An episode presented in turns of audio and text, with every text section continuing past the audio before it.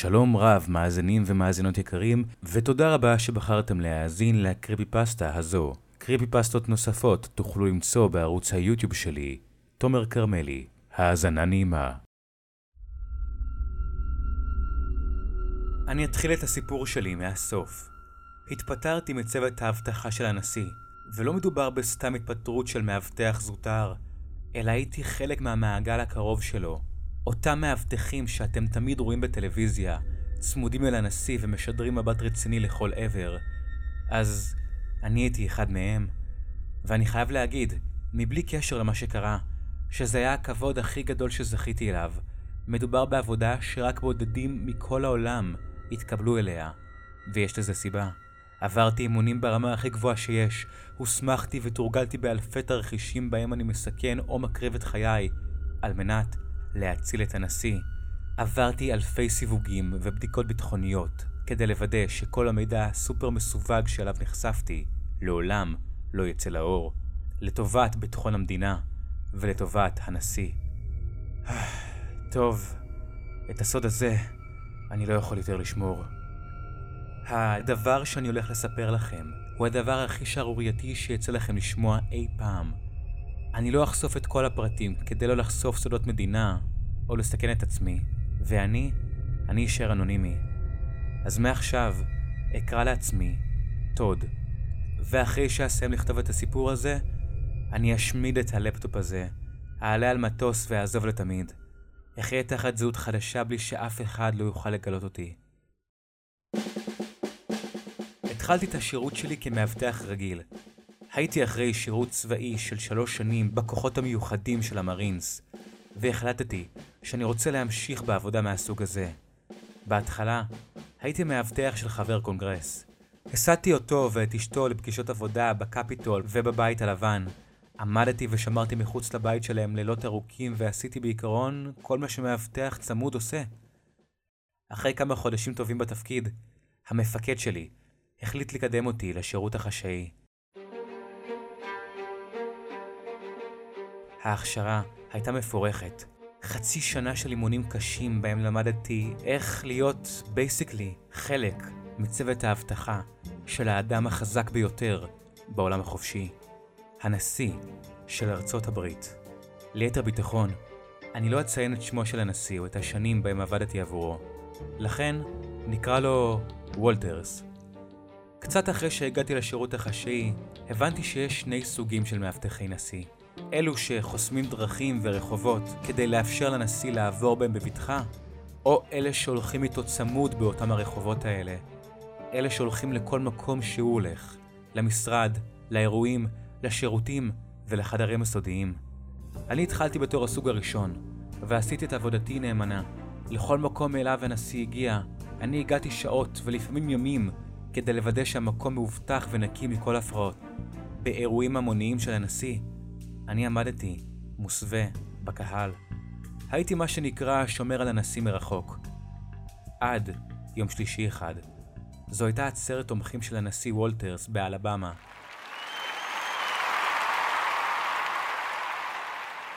הוא עלה על הבמה אל מול קהל של עשרת אלפים איש.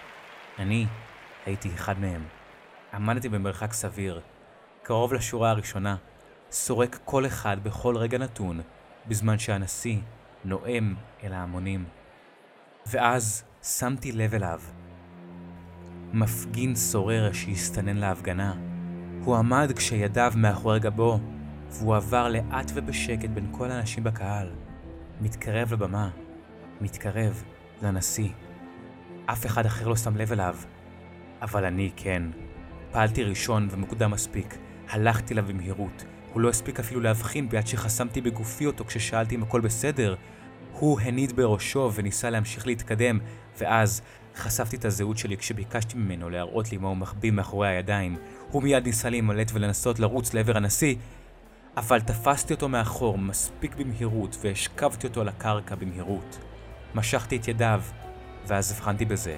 בחלק האחורי של המכנס שלו התחבא אקדח תשע מילימטר. קטן, אך קטלני מספיק. מיד החרמתי ממנו את האקדח ופיניתי אותו מהעצרת מבלי שאיש שם לב, והוא נלקח לחקירה. אחרי התקרית הזו, ראש הצוות האבטחה הבכיר של הנשיא זימן אותי לשיחה. זה היה שבוע אחרי התקרית.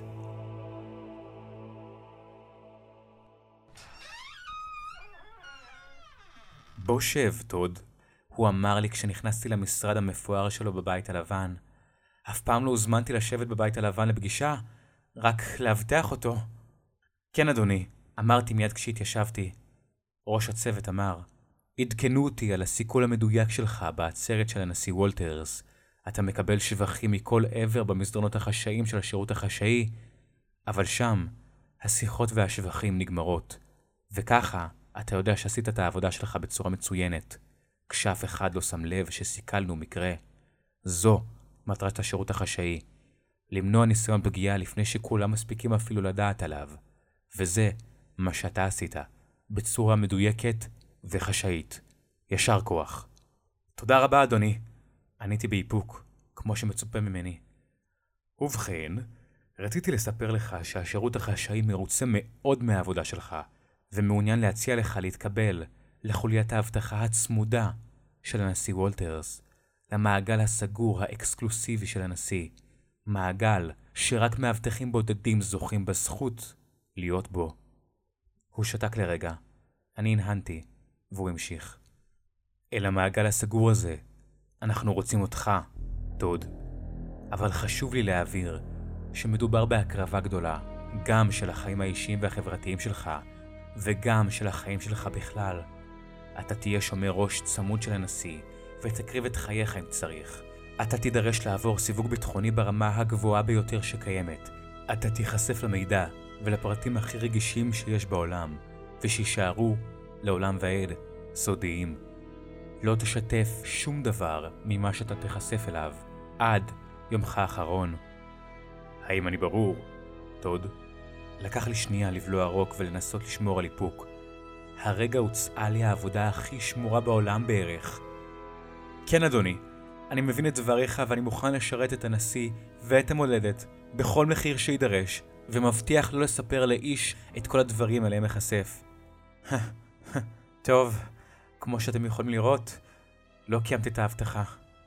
ראש הצוות חייך לפתח חיוך קטן. טוב מאוד. אתה תעבור את ההכשרה המיוחדת בקרוב. בחדר הסמוך תחכה לך המכשירה שלך, לינדה, מצוות הדרכה, ותיתן לך את כל הפרטים. בהצלחה שיהיה. הוא לחץ לי יד ויצאתי מהחדר. עם כל קור הרוח שלי, אני חייב להודות שהימים הראשונים היו די מלחיצים. אחרי הכשרה קפדנית והכי קשה שבן אדם מסוגל לעבור, הוצמדתי לנשיא המכהן. ישבתי לידו ברכב המשוריין, אף פעם לא יצרתי איתו קשר עין, אסור לנו לפנות אליו, אלא אם הוא פונה אלינו. אבל הנה אני, יושב כתף אל כתף, עם האדם החזק ביותר בעולם החופשי. הנשיא וולטרס הוא בחור גבוה, די בנוי, עם שיער שתה ניחום, הוא תמיד עם הבעת פנים רצינית שכזו. הוא יודע לשבות את הקהל בקסמיו. הוא נשיא שנראה חשוב, ומשדר שהוא האפשרות הכי טובה שיש לאמריקה להציע. הור והכריזמה שלו. לכל מקום שהוא הולך הוא מרשים, כולם נותנים לו כבוד, מחזיקים ממנו הרבה. יש לו גם המון ידע, מעבר לבן אדם ממוצע. הבן אדם אמנם עם ארבעה תארים ודוקטורט, אבל, אבל כשאתה שומע אותו מדבר בהערכות מצב ביטחוניות, זה מרגיש שכל הספרים שנכתבו בעולם על אסטרטגיה וביטחון נמצאים בתוך המוח שלו. הוא אף פעם לא טועה. הוא, הוא האדם הכי חשוב בעולם, אחרי הכל. ושלא תחשבו לנכון, גם אני הייתי בטוח בזה. הייתי בטוח שהנשיא שלנו הוא הבן אדם הכי חזק, מוכשר וחכם שיש בעולם, עד ערב חמישי אחד. אני הייתי מאבטח התורן שמוביל את צוות האבטחה של הנשיא. צוות מצומצם של חמישה אנשים שמקיפים את הנשיא במסדרונות הבית הלבן. הנשיא וולטרס ישב בחדר הסגלגל, עבר על צווים נשיאותיים. אני עמדתי מחוץ לדלת המאובטחת, כאשר לפתע שמעתי ממכשיר הקשר שלי. נסיך אחד, אבא זאב מתבקש להגיע בדחיפות לחדר המצב. עבור? נסיך אחד זה שם הקוד שלי, המאבטח הראשי. אבא זאב זה הנשיא וולטרס. קריאה מהסוג הזה מסמלת על אירוע ביטחוני חמור שקרה, שמצריך את נוכחותו של הנשיא בחדר המבצעים של הבית הלבן.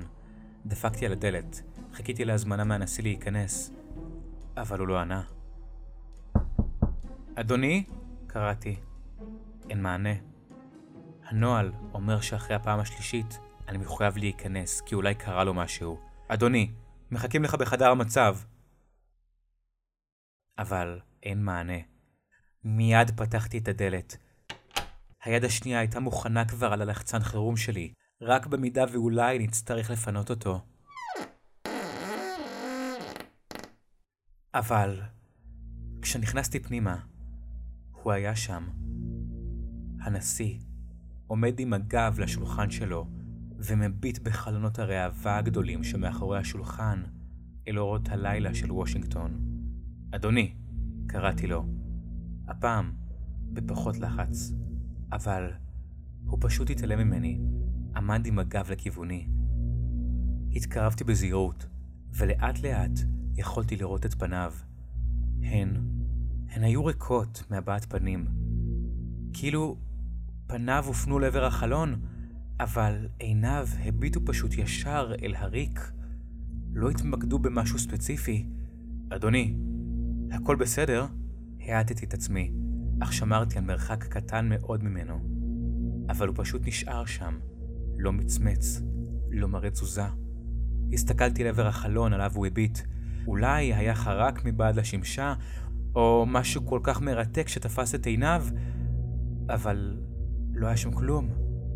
אלה היו פשוט שמי הלילה המוארים של וושינגטון הבירה. אז פתחתי בנוהל בדיקה. בעדינות קירבתי את ידי אל כתפו. מעולם לא עשיתי זאת לפני, אבל הנוהל מחייב. אבל שנייה לפני שכף היד שלי נגע בחליפה שלו,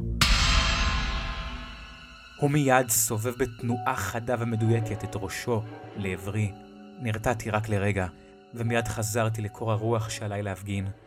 פניו היו מולי, אבל עיניו עדיין היו באותה פוזיציה, בוהות קצת מעל לשערות ראשי. שפתיו היו סגורות, כשקצוותיהן נוטות מעט למעלה ויוצרות חיוך שקט. אני מתנצל, אדוני, פשוט יש קריאה מחדר המצב. לפתע, ראשו עשה שוב את אותה תנועה חדה. הפעם, למטה, ראשו זז כמקשה אחת והביט לי בעיניים. זה... זה היה קריפי. מיד הסטתי את מבטי למטה. הוא פשוט בהה בי, בלי להגיד משהו מסוים, אבל מיד, לפני שהספקתי לעשות משהו, הוא מצמץ, ולפתע שפתיו החלו לזוז. שמעתי אוויר קטן יוצא מאפו. זה גם היה הרגע שהבנתי שלא שמעתי אותו נושם עד לרגע הזה. מה העניין? אמר לפתע קולו הכבד והנשיאותי. חדר המצב, אדוני, תקרית ביטחונית, סיווג רמה אחד. ובכן, כדאי שנמהר, הוא אמר מיד. כן, אדוני. מיד מיהרתי לפתוח את הדלת של החדר וליוויתי אותו החוצה. בחוץ היו כבר הרבה זמן ארבעת המאבטחים האחרים בחוליה. הובלתי אותם ואת הנשיא שהיה בינינו לעבר קומה מינוס אחד. בעודי מעביר מבטים מהירים על כל האנשים שאנחנו חולפים על פניהם במסדרון כדי לזהות אולי איום פוטנציאלי, תהיתי במוחי על התקרית המוזרה הזו שהייתה שם בחדר הסגלגל. טוב, הנשיא וולטרס הוא הבן אדם הכי עסוק בעולם. הוא ודאי היה עייף. אפילו לנשיא ארצות הברית יכולים להיות רגעי עייפות, חשבתי לעצמי. אבל דבר אחד נותר לא מוסבר. התנועות שלו. התנועות החדות והמהירות של ראשו. אבל המחשבה הזו מיד נעלמה ממוחי כאשר הגענו לחדר המצב. נכנסתי עם הנשיא פנימה בזמן ששאר המאבטחים נותרו בחוץ. כל הסגל שישב בחדר קם על רגליו, הנשיא התיישב, וכולם התיישבו אחריו. אני עמדתי מאחוריו. ואז הוא החל להדריך את כולם מה לעשות. הוא דיבר כמו חדש, כאילו לא עבר עליו יום ארוך ומתיש ורגע אחד הזוי לחלוטין. לא סיפרתי לאף אחד על מה שקרה באותו הלילה. אפילו לא למעגל האבטחה הקרוב אליי. לא רציתי להסתכן ולסכן את הנשיא. חשבתי ששם זה נגמר, שזו איזו תקרית נפוצה של גיל העמידה בשילוב העובדה שאתה נשיא ארצות הברית. אבל אחרי כמה שבועות זה קרה שוב. הפעם זה היה חמור הרבה יותר. הנשיא וולטרס, כפי שאמרתי מקודם, הוא הבן אדם הכי כריזמטי שיש. הוא יודע לסחוף אחריו קהלים של מיליונים. הוא חי בשביל מחיאות הכפיים האלה בהצהרות שלו. בצהרי יום שני אחד, הגענו לאספת התומכים שלו בפנסילבניה. היה משהו אירוני בזה. אם פעם הייתי מגיע יומיים לפני האירוע כדי לאבטח את המקום יחד עם שאר המאבטחים הזוטרים, באותו יום הגעתי יחד עם הנשיא. ישבתי מולו במרין אחד, המסוק הנשיאותי. הוא ואשתו החזיקו ידיים, הביטו על גבעות פנסילבניה היפות. היא חייכה והוא היה נראה ממוקד. כשהמסוק נחת, אני יצאתי ראשון. הובלתי את הנשיא ואת אשתו אל הרכב המשוריין שלקח אותם אל האולם בו הוא נשא את נאומו. נכנסנו מאחורי הקלעים והוא עלה לבמה. אני עמדתי הפעם יחד איתו, עם חליפת הטוקסידו שלי, ממש בצד הבמה, אבל מספיק קרוב אליו כדי לחטוף כל כדור שיעוף לעברו. הוא נאם, בכריזמטיות. זה היה כמו לצפות בשחקן התיאטרון הטוב בהיסטוריה. כל מילה שקולה אך נאמרת בשיא הביטחון. כל סוף משפט שלו מרגיש כאילו הוא מפיל את המיקרופון, וכל פעם שהוא לוקח אוויר למשפט הבא, הוא נקטע על ידי הרעש הסוער של מחיאות הכפיים. רוב הנאום, הסתכלתי לקהל, לוודא שהנאום כלשהו. אבל בנקודה מסוימת, בזמן שהוא היה באמצע משפט ואני בהיתי בקהל שהיה מרותק למילותיו, לפתע הוא הפסיק לדבר. אני המשכתי להסתכל על הקהל במחשבה שהוא בולע רוק או כל דבר אנושי אחר, אבל חלפו שלוש שניות שגרמו לי מיד להסיט את מבטי אליו. הוא עמד שם, על הפודיום. ידו השמאלית מונחת על הנייר ממנו קרה, וידו הימנית הייתה באוויר. היא נותרה באוויר. הוא נעצר באמצע משפט, אבל גם היד שלו קפאה ברגע שנעצר. הקהל נכנס להלם. חלפו שניות בודדות והוא פשוט נשאר שם, כאילו ניתקו אותו מהחשמל. מיד, אני ושאר המאבטחים פתחנו בנוהל שילוב ידיים, פינוי הנשיא מהבמה מחשש לסיכון בריאותי. אני הראשון שזינקתי לעבר הנשיא, חסמתי עם הגב שלי אותו מהקהל, בזמן שמאבטחים האחרים הקיפו אותו וירדו אל הקהל. לקח לנו כמה שניות להבין מה עושים. לא ידענו אם לפנות אותו או לחכות שיגיב. בין כל המלמולים והתהיות שהיו ברקע, קראתי לו בשקט, אדוני, הכל בסדר? הסתכלתי על עיניו, הן היו מכוונות למעלה, אל הפנסים של האודיטוריום. הפה שלו היה פתוח, באמצע משפט. אפילו הלשון שלו לא הייתה רפויה, אלא מורמת. זה... זה היה הזוי. אבל כמו שאמרתי, לא היה זמן לחשוב על זה. אדוני, אנחנו מפנים אותך. הצהרתי בפניו. הוא לא הגיב. שום שריר בפניו לא זז. ואז התחלנו לבצע את הנוהל. פתחנו מטריה מיוחדת מאלומיניום שמכסה מהקהל את מה שקורה על הבמה. בכל זאת, הדבר שאסור שיקרה זה שהמצלמות יתעדו את האיש החזק בעולם נגרר משם, לא בכוחות עצמו. רכב המילוט חיכה מאחורי הקלעים.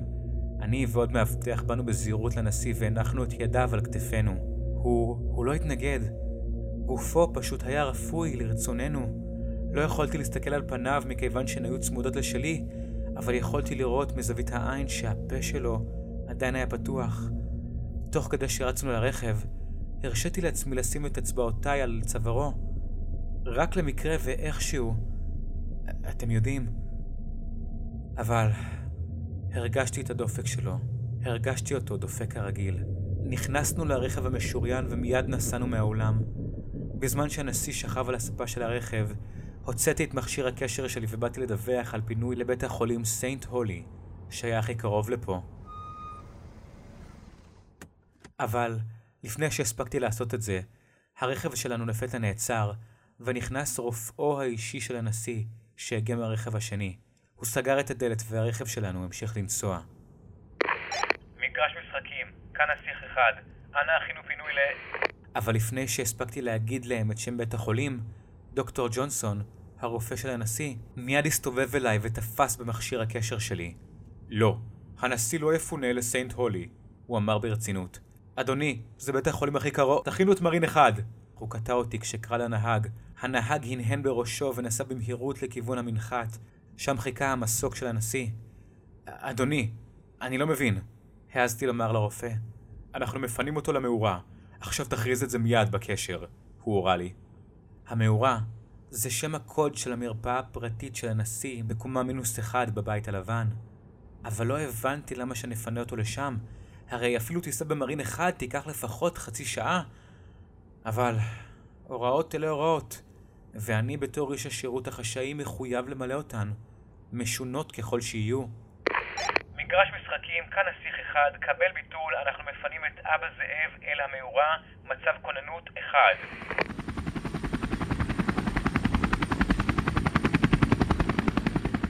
אחרי טיסה מהירה, נחתנו על המדשאה של הבית הלבן. שם חיכו המון אנשי רפואה של הבית הלבן. ברגע שנחתנו, הם העלו את הנשיא על אלונקה. אני הובלתי אותם בזמן שמיהרנו להגיע למרפאה. דוקטור ג'ונסון צעק לעברי, אל חדר הניתוח! חדר הניתוח? תהיתי לעצמי. לא, למה שנפנה אותו לשם? אבל שוב, אין זמן לחשוב, ופקודות הן פקודות. פתחתי דלתות חדר הניתוח. שם חיכה צוות מנתחים שהתכונן מראש. החזקתי את הדלת כאשר רופאו של הנשיא נכנס. אחריו, הנשיא על אלונקה, ומסביבו, אנשי רפואה ומאבטחים שנותרו מחוץ לדלת. אני הייתי אמור להיכנס פנימה. כמאבטח הראשי, זוהי חובתי לשהות עם הנשיא בכל מצב ובכל חדר שהוא נמצא בו. אבל כשבאתי להיכנס, דוקטור ג'ונסון שם יד על החזה שלי. לא, לא, אתה נשאר בחוץ. הוא הורה לי. התעלמתי ממנו ודרשתי להיכנס, אבל הוא דחף אותי קלות ואמר, אמרתי לו, זו הוראה מלמעלה, השירות החשאי לא מורשה להיכנס. זה נגד את כל העקרונות והחובות שלי. אני נכנס, זוהי חובתי, אמרתי לו. אבל אז, לפתע, הרגשתי יד טופחת לי על השכם. זה בסדר, דוקטור. לך תתחיל בניתוח. אני אשאר איתו פה, אמר קול כבד מאחוריי. הרופא מיד הנהן, נכנס לחדר הניתוח וסגר את הדלתות. כשהסתובבתי, הופתעתי לגלות את ראש צוות האבטחה של הנשיא, המפקד שלי, זה שקיבל אותי לתפקיד הזה. הוא היה אמור בכלל להיות ביום חופש באותו יום. אדוני, מיד הצדעתי בתדהמה. טוד, הוא אמר לי בקול כבד. בוא איתי. אבל, אבל אדוני, הנשיא, אני לא יכול להשאיר אותו לבדו. הכל בסדר, הוא אמר. שאר המאבטחים ישמרו עליו פה מבחוץ. אדוני, זו הפרת פקודה ישירה. הנשיא נמצא בחדר לבד... בוא אחריי, זאת פקודה. הוא פקד עליי. בחוסר נינוחות ובעצבים שקטים הלכתי אחריו. מעולם לא הפרתי פקודות. הנשיא נותר לבדו שם. למה לעזאזל שראש צוות האבטחה ייתן לזה לקרות? ולמה הוא מרחיק אותי משם? המאבטח הראשי! הלכנו אל משרד בהמשך המסדרון, והוא נעל את הדלת מאחוריי. הוא הושיט את ידו הפתוחה לעברי, ממתין שאמסור לו את מכשיר הקשר והפלאפון שלי. אדוני? שאלתי בבלבול. פשוט תביא לי אותם, הוא אמר. בהשפלה מסרתי לו את מכשירי התקשורת שהיו עליי, מכשירי התקשורת המסווגים והמוצפנים. הוא שלף גם את שלו, ושם אותם בתיבה שהייתה בפינת החדר, ונעל אותה. בחיים זה לא קרה לי, אבל הבנתי שמשהו רציני ולא שגרתי קורה פה. משהו סודי ביותר. הוא התיישב. שב, טוד. באותה חוסר נוחות בה התרחקתי מחדר הניתוח, התיישבתי בלית ברירה על הכיסא מהצד השני של השולחן. הדופק שלי על 200, בידיעה שהנשיא נמצא בחדר עם מנתחים שאני לא מבין בכלל מה עושים לו, ולמה הוא שם חסר הבטחה. התיישבתי. טוד, הוא אמר, כשקידמתי אותך להיות בצוות האבטחה הצמוד של הנשיא, אמרתי שאתה תיחשף לדברים הכי רגישים שיש בעולם, ושישארו לעולם ועד, סודיים. נכון, אדוני, וכך ביצעתי בכל שלושת החודשים האחרונים בהם אני בתפקיד. אמרתי בחצי ספק. האם שגיתי איפשהו בעבודה שלי? לא ישנתי לילות שלמים, הגנתי עליו בכל מחיר, הייתי הראשון להוביל ולאבטח אותו. איפה טעיתי? שאלתי את עצמי. אבל אז הוא אמר, ועשית זאת בהצטיינות יתרה. הוא אמר, והפיג את כל הספקות שלי לגבי המקצועיות שלי. אבל טוד, יש דבר אחד שלא יסופר בשום מסדרון או בשום הכשרה. דבר שאחרי מספיק זמן פה, כל איש של השירות החשאי נחשף אליו.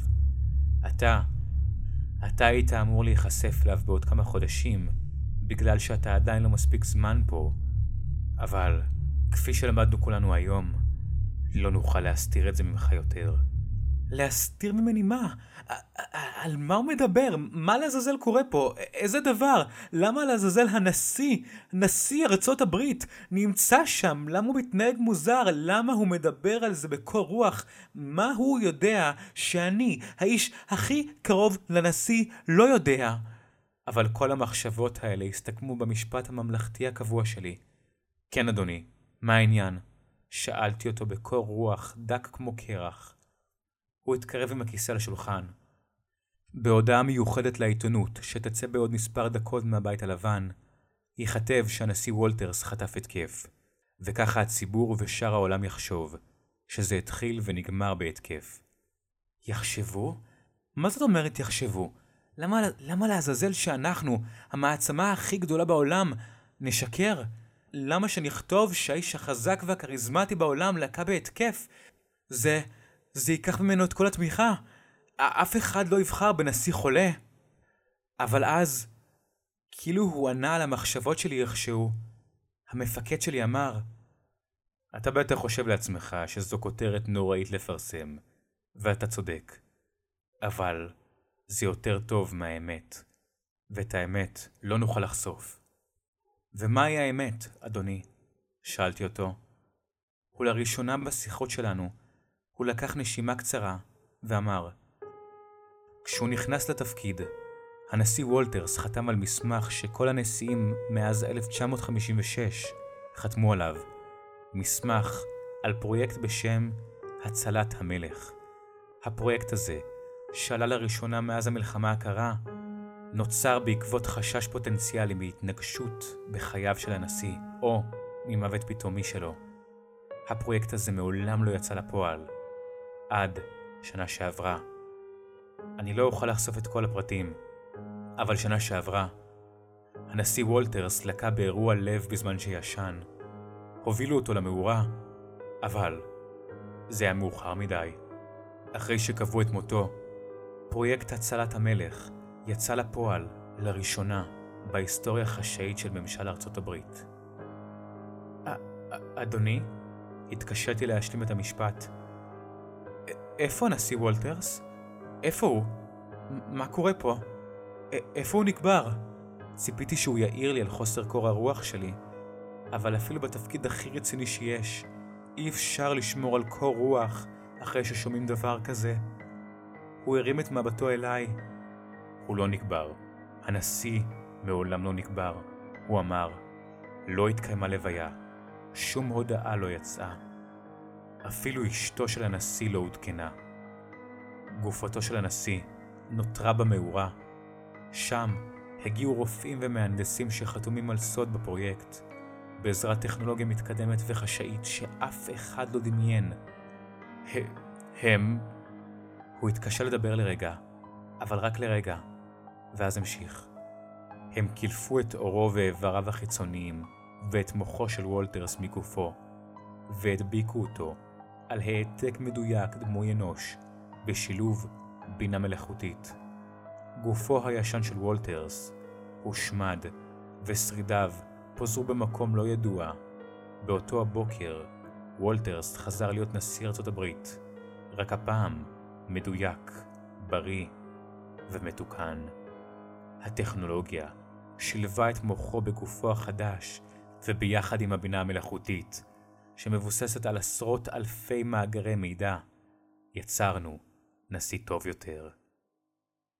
מה לעזאזל שמעתי הרגע? לא אמרתי כלום.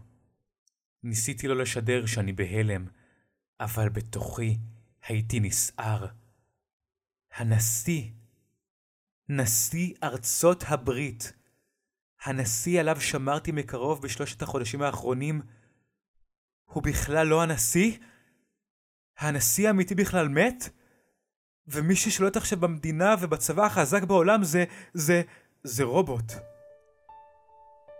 זה מסביר כנראה את הכריזמה המטורפת שהייתה לו, את כל הידע הזה שמוח אנושי רגיל לא מסוגל להכיל, אבל כל העיוותים האלה, הפעם הזו בחדר הסגלגל שהוא בהה בי ומה שקרה היום, איך, איך את זה אפשר להסביר?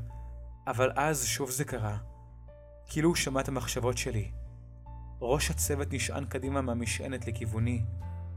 הבינה המלאכותית למדה את דפוסי הדיבור שלו והפכה אותו להעתק מדויק של הנשיא וולטרס.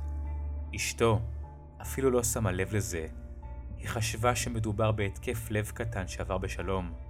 וכפי שאמרתי, זה עדיין אותו האור ואותם איברים חיצוניים של הנשיא.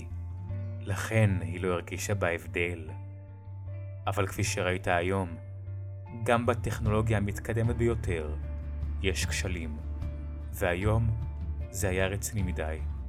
הדגם אליו נכנס מוחו של הנשיא לפני שנה מתחיל להתיישן, והוא מצריך שדרוגים. זו הסיבה שלא רצינו שתיכנס לחדר הניתוח לפני שתדע את האמת. המראות שהיית רואה שם היו מכניסות אותך לשוק. ואסור לנו שהמאבטח המצטיין של הנשיא לא יתפקד כראוי, אה? הוא פלט קריצה וצחוק. הגבתי בחיוך הקטן והמזויף ביותר שעשיתי אי פעם. בתוך תוכי רתחתי. דוקטור ג'ונסון עובד שם עכשיו עם מיטב המהנדסים על מעבר של הנשיא למודל החדשני יותר, יותר מציאותי ויותר חכם. בשעות הקרובות הוא אמור לצאת משם כמו חדש, זה לחלוטין, ואפילו אנושי יותר. אנושי יותר? צחקתי לעצמי. איך אפשר בכלל להיות אנושי כשאתה fucking רובוט שמעמיד פני נשיא ארצות הברית? ככה הוא יישאר למשך שארית הכהונה שלו, אבל בבחירות הבאות, אנחנו נוריד מרמת הכריזמה שלו מעט, כדי שיפסיד בכוונה. אנחנו לא יכולים לקחת עוד סיכונים עם עוד תקלות כאלה שעלולות לקרות לו. את שארית חייו הוא יחיה ככה, למרות שזה לא הגוף שלו, המוח שלו, חלק מהתודעה שלו, עדיין נמצא שם בפנים. המוח שחתם על ההסכם הזה, המוח של נשיא ארצות הברית. הוא סיים לדבר, ובהה בי. הוא בחן אותי. טיפת זיעה בודדת ירדה מהמצח שלי. לא שחררתי הגה. טוד, זה הסוד השמור ביותר והחשאי ביותר שקיים בתולדות ארצות הברית. מדובר בפרויקט שאם ייחשף אפילו במילה אחת לאוזן הלא נכונה, כל המוניטין של המדינה הזאת תלך. אנחנו המעצמה החזקה בעולם, והנשיא שלנו הוא הנשיא החזק בעולם. אסור בשום מקרה, בדיוני או לא בדיוני, שדבר כזה ידלוף החוצה. הוא קם לפתע והתקרב אל הכיסא שלי. הוא עמד מעליי, ולפני שהספקתי להגיב בחיוב, הוא התקרב אליי לפתע ולחש. אני בוטח בך, טוד. אני יודע שאתה לא תספר לאיש. אתה נשבעת להגן על הנשיא ועל המולדת הזו בכל מחיר. אבל, אם אתה תרצה, אני נותן לך הזדמנות שתציל אותך ואת הממשל. מחוץ לחדר מחכה אחד הרופאים. אם תהיה מעוניין, אנחנו נזריק לך חומר שיגרום לך להתעלף ולשכוח כל מה ששמעת ביממה האחרונה. אתה תקום בבית שלך ולא תזכור כלום. חברה שלך תסביר לך שהתעלפת. כבר עשינו את זה לכמה קודמים בתפקיד שלך. אבל אם לא, אתה לעולם לא תזכיר שום דבר ממה שקרה פה. שום דבר, טוד. מבחינת המוח שלך, אתה היית כל הזמן הזה מחוץ לחדר הניתוח. אתה לא תדבר על זה לעולם עם אף אחד, ואתה תתייחס לנשיא בדיוק כמו שהתייחסת אליו עד עכשיו. וגם אחרי שתפרוש לגמלאות, תאמין לי שיש לנו דרכים לדעת, אנחנו נאזין לכם עד יומכם האחרון. האם אני ברור, טוד? כן, אדוני! אמרתי בהתלהבות, אבל בתוך תוכי פחדתי. אדוני, אני מעולם לא אספר לאיש על מה ששמעתי עד סוף חיי. אני אתנהג בדיוק אותו הדבר ואמשיך להגן על הנשיא ועל המולדת בכל מחיר. ככה חשבתי. הוא חייך וטפח לי על השכם. ידעתי שאפשר לסמוך עליך. עכשיו קח את המכשירים שלך וצא מהחדר. הנשיא עומד לצאת מניתוח. קמתי והצדעתי לו. לקחתי את המכשירים שלי ויצאתי מהחדר. בעודי מתקדם במסדרון, אני רוצה להקיא על החליפה שלי, אבל הפנים שלי משדרות ביטחון וקור רוח. לא זיהיתי את עצמי. בתוך תוכי צרחתי, לא רציתי להיות פה יותר. רציתי לבחור באופציה השנייה, שאני אקום בבית ולא אזכור כלום מהאמת המזעזעת הזו. אבל ידעתי בשקט בשקט, שיום אחד אני אחשוף את זה. חי או מת. האמת על נשיא ארצות הברית חייבת לצאת לאור. חזרתי לעמוד ליד חדר הניתוח, ואז, אחרי כמה דקות, הוא יצא, עומד על שתי רגליו, בחור גבוה, די בנוי, עם שיער שתה ניחום, עם הבעת פנים רצינית שכזו, ונראה בריא יותר מתמיד. נשיא, שנראה חשוב ומשדר שהוא האפשרות הכי טובה שיש לאמריקה להציע. צועד על מסדרון בכריזמטיות, ואני מיד רץ אחריו, ממשיך בעבודה שלי, לאבטח את האיש החזק ביותר בעולם. אשתו מחכה בסוף המסדרון ומחבקת אותו בבכי.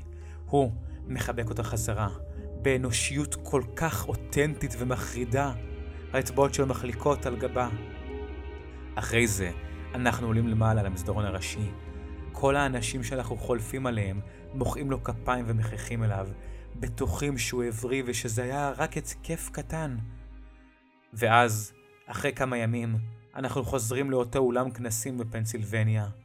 הוא עולה לבמה, וכולם מוחאים לו כפיים. הוא מנופף אליהם לשלום בדיוק כמו בן אדם אמיתי. ואני עומד כרגיל בצד הבמה, בוחן את הקהל. ואז אני מסתכל רק לשנייה על הנשיא, בודק שהוא בסדר.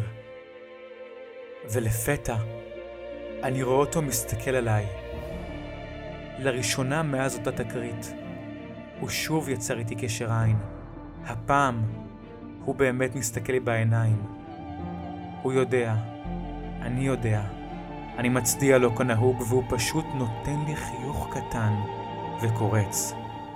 ואז הוא חוזר אל הקהל ומתחיל בנאום שלו.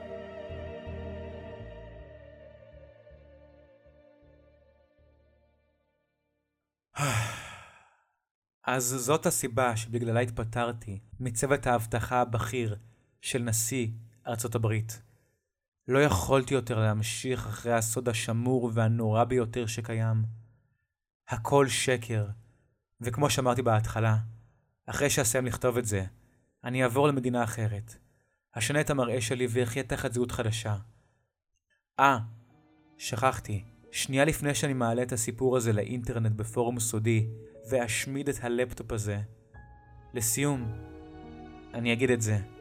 מה שקרה עם הנשיא וולטרס, קרה די מזמן. אני לא יודע מה קרה מאז. אילו הסכמים השתנו בממשל. אבל אני יכול להגיד לכם את זה. בנאום הבא שלו, תנסו להסתכל טוב טוב על הנשיא שמכהן היום, שעם כל הכבוד כבר לא ממש צעיר. לכו תדעו אם מדובר בג'ו ביידן או בהעתק שלו. אחרי הכל, עכשיו אתם יודעים את האמת על ממשל ארצות ה... זוהי הודעת חירום.